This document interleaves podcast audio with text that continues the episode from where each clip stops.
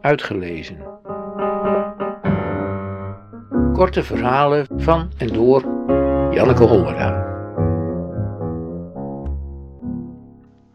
Zeer kort verhaal over opvoeden.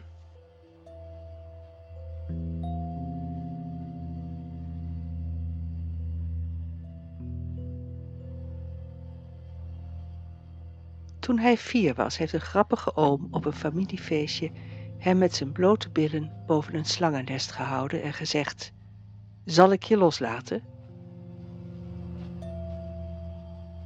Hij zag die slangen daar beneden kronkelen en glibberen.